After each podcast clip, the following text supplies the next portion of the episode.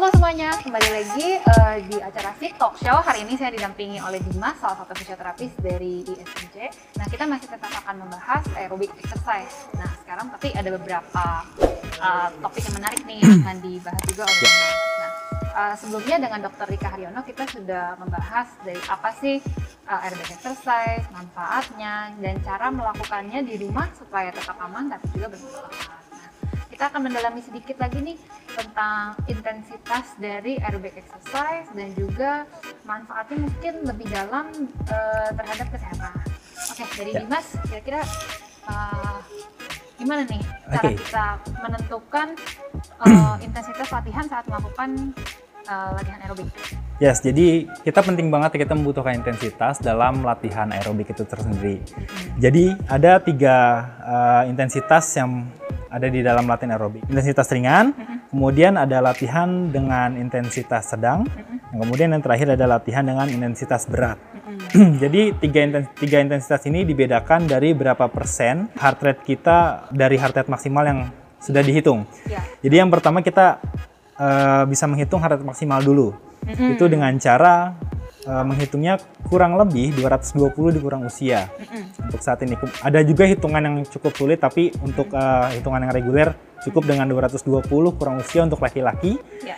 dan 200 kurang usia untuk perempuan. Oke, jadi kalau saya usianya 30 berarti heart rate maksimal saya 200 dikurangin uh, 30. Usia, Eh iya, betul. Jadi, jadi 170. 170. Ya. Nanti kemudian baru dikalikan berapa persen target uh, heart rate-nya. Ya. Baru masuk nanti ke intensitasnya. Mm -hmm. Misalkan dengan intensitas ringan. Mm -hmm. Intensitas ringan itu kan 50 sampai 70 persen. Ya. Uh, kemudian intensitas intensitas sedang itu sekitar 70 sampai 80 persen ya. dan intensitas berat itu 80 sampai 90 persen. Nah dari persentase itu kemudian kita kalikan dengan heart rate kita tadi. Yang maksimal. Jadi yes. apabila saya usianya 30 tahun, teman-teman, berarti heart rate maksimal saya 170 dan apabila saya ingin latihan uh, aerobik 50 sampai 60 persen atau 50 sampai 70 persen ya. misalnya, berarti 50 dikali dikalikan dari 170, 170 sampai 70% dikali 170. Ya, jadi itu batas batas maksimal dari intensitas ringan. Apabila yes. sudah melebihi berarti kita sudah masuk intensitas sedang ya. Yes. Gimana? Dan seterusnya sampai intensitas berat. Iya. Gitu. Itu sangat penting sekali dievaluasi untuk uh, menghindari risiko cedera pada saat ber, uh, berolahraga. Yes. Jadi kita bisa misalnya baru mulai latihan kita bisa uh, start ataupun maintain di intensitas ringan dulu 1 sampai 2 minggu yes, baru bisa. secara baru meningkat. kita naikkan intensitas latihannya. Betul ya? Betul sekali. Uh. Berikutnya? Yang selanjutnya kita bisa mengetahui intensitas lagi menggunakan talk test. Hmm. Jadi nanti kita bisa mengetahui uh, sudah seberapa berat intensitas yang kita uh, lakukan dalam latihan. Misalkan kita kesulitan, kita nggak pakai gear, yeah. kemudian kita nggak tahu cara menghitung heart rate, yeah. kemudian susah mencari pulse-nya. Yeah. Nah, itu bisa menggunakan namanya talk test. Mm -hmm. Jadi kurang lebih, jadi intensitas ringan itu, mm -hmm. di mana kita bi masih bisa berbicara, bahkan masih bisa bernyanyi pada saat melakukan aktivitas iya. atau Jadi misalnya saya sambil treadmill nih, yes. sempat ngobrol nih sama orang-orang yes. rumah, oh berarti kurang kencang ya? Nah, itu berarti masih intensitas ringan tuh. Oke, okay, oke, okay, oke. berarti okay. apa bisa ditingkatin lagi kalau yeah, mau iya, masuk yeah, intensitas yeah. sedang. Uh -huh.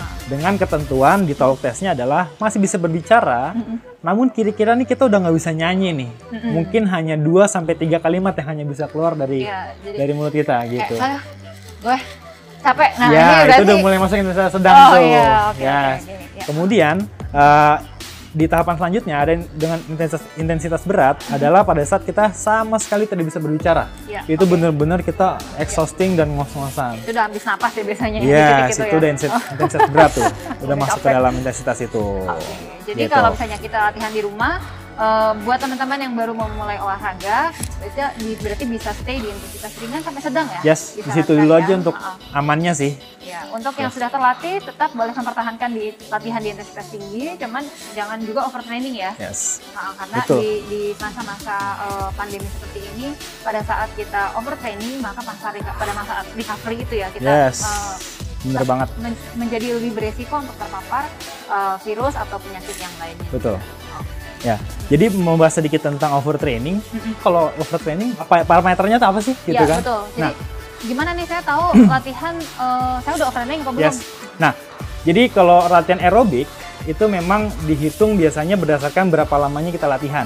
Mm. Jadi minimum untuk da- mendapatkan efek itu kita latihan dalam satu minggu itu minimum itu 150 menit. Iya, seperti yang Dokter Rika pernah jelaskan Yes. juga, 3 sampai 5 kali per minggu itu idealnya. Betul. Dengan per kali latihan tuh minimal 30 menit, 30 ya, menit. sampai 45 menit. Jadi kalau kita maksimal per minggu tuh 150 menit 150 idealnya, menit. Ya, betul. Yes. Dengan maksimum itu kan minimal tadi ya. Ya. Dengan maksimumnya sebenarnya bisa, bisa sampai 300 menit. Ya. Cuma hati-hati Mm. kalau udah mendekati 300 menit itu seperti misalkan latihan 5 hari Mm-mm.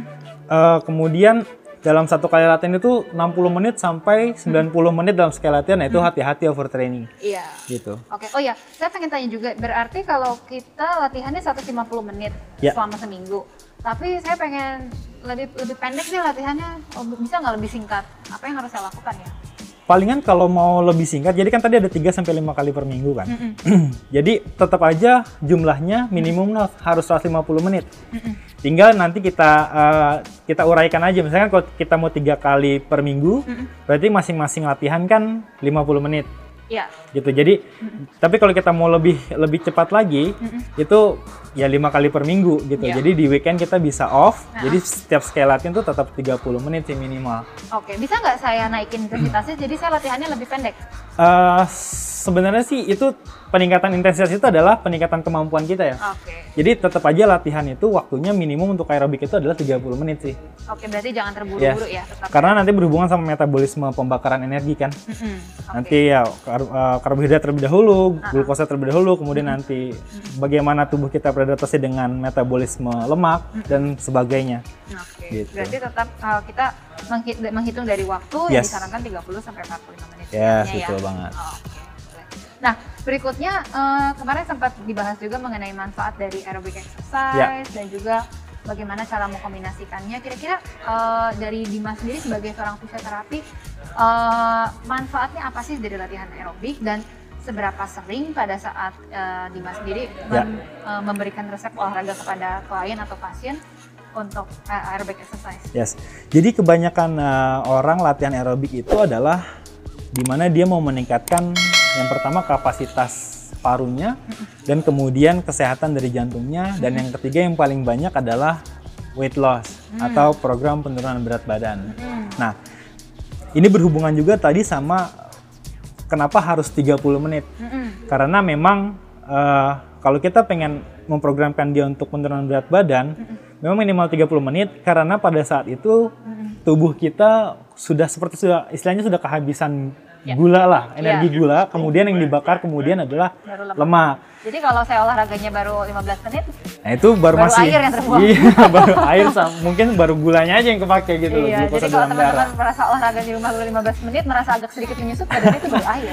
itu baru air ternyata. Lemaknya belum terbuang. Ya. Paling baru cuma satu ons dua ons Jadi lah jangan yang tertipu ya.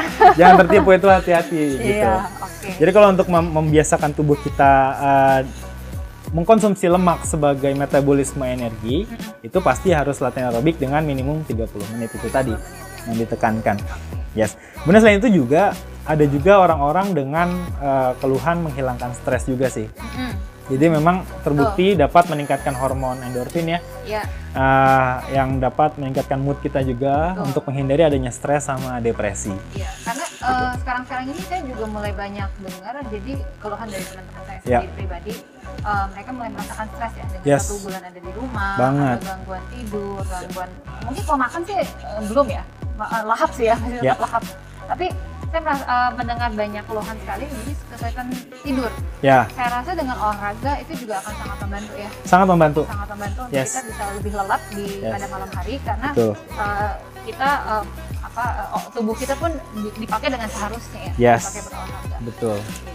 Jadi berolahraga juga bagus bagus sekali untuk membantu kita uh, tidur di malam hari secara lebih lelap. Keseimbangan hormon itu juga tadi sih, balik lagi ke situ. Oke. Berikutnya kira-kira Dimas manfaatnya dari aerobic exercise? eh jadi juga ada juga orang-orang misalkan kebanyakan di rumah sakit sih dan untuk orang-orang yang sudah mulai usia lanjut ya latihan aerobik itu digunakan untuk menurunkan atau mengendalikan eh, diabetes. Hmm. Jadi orang-orang dengan eh, apa namanya dengan gangguan diabetes itu biasanya latihan yang tepat adalah latihan aerobik. Jadi hati-hati, latihan aerobik tidak efektif untuk building muscles. Ya. Tapi untuk metabolisme, pembakaran energi, kemudian hormonal itu sangat baik untuk uh, tubuh kita sih untuk aerobik. Jadi dibedakan. Jadi kalau misalkan latihan kalian frekuensinya masih tinggi, intensitasnya rendah, berharap ototnya besar itu nggak akan bisa. Betul. Gitu. Itu dia itu dia yang membedakan juga sih. Iya. Nah, jadi sarannya Dimas bagaimana nih untuk mengkombinasikan antara aerobic exercise dengan latihan penguatan? Oke, Berapa jadi frekuensinya dan juga eh, latihan apa sih yang sesuai kira-kira? Yes. Jadi sebenarnya kita harus punya fokus dulu sih. Yang pertama, eh, misalkan kita mau building muscles atau kita mau meningkatkan endurance. Betul. Karena kalau kita mau meningkatkan kedua-duanya, kita akan berada di setengah-setengah di masing-masing. Kita akan setengah-setengah di endurance kita, kita akan setengah-setengah di latihan penguatan dan building muscles juga. Jadi nanti frekuensinya akan menurun. Misalkan kalau kita mau latihan eh, aerobik, kita itu di frekuensinya itu banyaknya eh, repetisi itu misalkan 12 kali. Mm-mm. Bebannya tuh hanya satu kilo. Penguatan maksudnya? Eh, ini latihan aerobik. Oh iya. oke. Itu bisa juga menggunakan seperti menggunakan tapi beda frekuensi dan beda intensitas Mm-mm. gitu. Jadi kalau misalkan intens frekuensinya 12 kali, kemudian bebannya hanya satu kilo, dibandingkan dengan penguat, Oh, oke, I see. ya dengan penguatan kita hanya 8 kali repetisi satu uh, setnya, kemudian bebannya sampai 5 sampai 10 kilo. Ya, Nah, itu akan jelas berbeda. Dan kalau kita ada di tengah-tengahnya, kita pakai 3 kilo, kemudian uh, re- frekuensinya adalah 10 kali, kita akan dapat setengah endurance, setengah building muscles. betul. Jadinya nggak nggak akan uh, di pick dua-duanya gitu. Jadi kita harus pilih salah satu. Kita mau latihan endurance kah atau kita mau latihan penguatan otot atau pembesaran massa otot Ya. gitu. Itu juga terutama buat teman-teman yang perempuan ya. Yes. Jadi kadang-kadang kita sering salah kaprah nih. Betul. Saya pengen weight loss tapi uh, Yes. banyaknya ujung-ujungnya latihannya latihan penguatan. Yes, Gitu. betul. Jadi, oh saya merasa saya makin gemuk gitu Yes. ya. Karena karena pada saat kita latihan penguatan otomatis ototnya juga akan Iya, ya. masanya akan bertambah. Uh, sedangkan masa otot kita mungkin nggak sebanyak itu ter- terbuang ya. Betul. Oke. Jadi saat kita mulai latihan penting juga teman-teman untuk menentukan targetnya dari latihan tersebut apa Yes. apakah kita ingin pertama meningkatkan kebugaran terlebih dahulu Ya. jantung paru misalnya apakah kita ingin fokusnya meningkatkan performa Yes. atau kita ingin misalnya weight loss atau kita ingin meningkatkan massa otot jadi harus Ya. ditentukan dulu target terapinya eh target dari olahraga Ya. tersebut baru setelah itu kita menentukan olahraga apa sih Betul. sesuai. Dan juga untuk frekuensi dan segala macamnya bisa konsultasikan langsung ke expertise-nya. Iya. Baik ke dokter atau fisioterapis ataupun uh, sport science ya. Iya. Nah, Gitu. saran dari Dimas nih, eh, mungkin yang terakhir ya. Eh, kita kan dari tadi membahas mengenai aerobic exercise. Nah, bagaimana sih eh, tata cara kita memulai exercise? Apakah warm up-nya harus dulu? Gimana nih? Bedanya warm up dengan saya langsung latihan itu apa? Ya. Terus peregangan saya baiknya melakukan kapan? Itu bisa Ya. dijelaskan? Yes. Jadi untuk warming up itu bisa dilakukan sekitar 5 sampai 10 menit dengan termasuk sudah seluruh badan kita melakukan gerakan. Misalkan kita nggak bisa warming up hanya jalan kaki aja gitu ya. Tapi kita juga misalkan jalan kaki, kemudian kita juga melakukan gerakan high knee, kemudian mengangkat tangan ke atas Ya. gitu ya. Dan Itu belum termasuk yang 30 menit ya? Itu belum termasuk 30 menit. Belum. Jadi, Jadi dibedain. ya. jadi jangan kecewa ya. Jadi kita latihan total 30 menit, ditambah sedikit 10 menit Ya, dari untuk warming up. Yes, itu untuk warming up-nya. Kemudian, untuk peregangannya, itu bisa ditempatkan di awal sebelum latihan inti, itu tadinya 30 menit, atau bisa juga ditempatkan di belakang. Jadi sah-sah saja untuk melakukan peregangan. Iya. Tapi kalau yang wajib, itu di belakang memang harus melakukan Iya. stretching, gitu, Saya peregangan. pribadi sih lebih suka melakukan dua-duanya ya. Yes, Karena boleh, boleh aja. saat kita di rumah, kita terlalu banyak duduk, tidak aktif Betul. juga. Jadi mungkin beberapa otot juga udah Betul, sekali ya. betul. Jadi kita mungkin terbiasa membungkuk atau Yes. terbiasa selonjoran. Jadi eh, otomatis postur tubuh pun akan akan Betul, ya. Ya. Nah, jadi sangat baik untuk melakukan 5 menit sampai 10 menit dulu pemanasan Yes. dengan dynamic aja ya. Yes. Dynamic, setelah itu peregangan, baru kita mulai ke olahraga inti. Diakhiri dengan uh, pendinginan 2 menit cukup ya Iya. biasanya ya. Cukup. Lalu peregangan kembali. Itu merupakan salah satu contoh uh, olahraga yang yang sangat baik ya. Yes. Jadi satu lengkap. kesatuan. Iya betul satu kesatuan yang memang yang disarankan seperti itu. Ya. Oke, kira-kira cukup uh, jelas informasinya teman-teman. Nah kalau misalnya teman-teman tidak ada pertanyaan kami sangat welcome untuk uh, datang di SMC atau bisa melakukan konsultasi online. Iya. Kami melakukan konsultasi online di aplikasi Zoom. Uh, nanti uh, teman-teman bisa bertanya lebih lanjut kepada dokter olahraga kami maupun teman-teman. Yes. Oke, terima kasih Dimas atas waktunya. Sama-sama. Buat teman-teman yang stay di rumah, tetap stay di rumah, jangan ke mana-mana, jangan jalan-jalan, stay healthy dan salam. Olahraga.